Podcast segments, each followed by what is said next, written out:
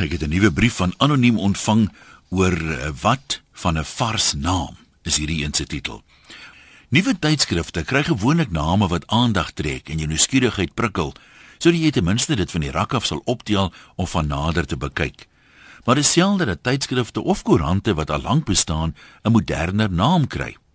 Ek onthou wel Sari Maree het later net Sari geword, maar 'n nuwe baadjie in die vorm van 'n moderner uitleg of letter lettertipes vir die ou naam op die voorblad is veel meer algemeen. Mense dink mos nie meer oor 'n naam wat goed gevestig is nie. Dis soos iemand met 'n baie ongewone naam of 'n bynaam. Almal wat hom ken, gebruik die naam sonder om te dink wat dit nou eintlik beteken. Maar as iemand anders daai persoon vir die eerste keer ontmoet, sal hulle altyd vra, "Nou waar kom jy aan die naam? Wat beteken dit?" 'n Jong taal soos Afrikaans verander en ontwikkel natuurlik baie vinniger as ouer tale, En daar is beduidende verskille tussen vandag se Afrikaans en die van slegs net enkele dekades gelede. Baie woorde wat toe algemeen was, hoor 'n mens vandag selde indien ooit, selfs onder ouer mense.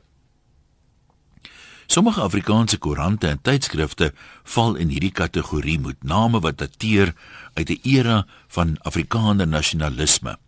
Ek het nou die dag vir die eerste keer van die Pikkie se studentekoerant gehoor. Waarpad. Dis waarskynlik met trots geskep as herinnering aan die groot trek, maar wanneer laas het jy enige student die woord waapad hoor gebruik? Selfs al praat hy van 'n kampeervakansie met 4x4s in die Boondoe.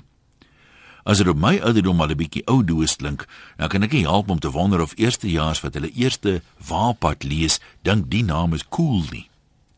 Die woord volk is vroeër gereeld gebruik wanneer leiers in dramatiese toesprake die volk tot aksie opgeroep het. Maar wanneer laas het jy iemand dit hoor sê?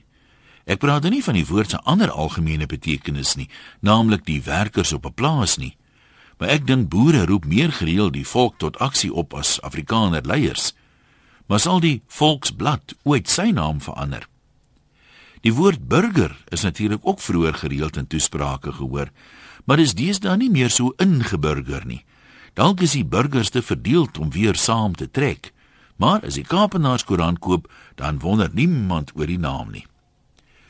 Hoeveel mense verwys nog na almal wat onder dieselfde dak saam woon as huisgenote? Die tydskrif besef dit waarskynlik self, want toe hulle Engelse weergawe begin, het dit kort en kragtig 'n moderne naam gegee. You. Nou wonder ek, wat dink jy? Sal jy die jy koop? Of is huisgenoot deur die jare op die waarpad so ingeburger onder die volk dat dit al tradisie geword het en al die huisgenote sal rebelleer teen enige verandering. Wat dink jy? Groete van oor tot oor. Anoniem.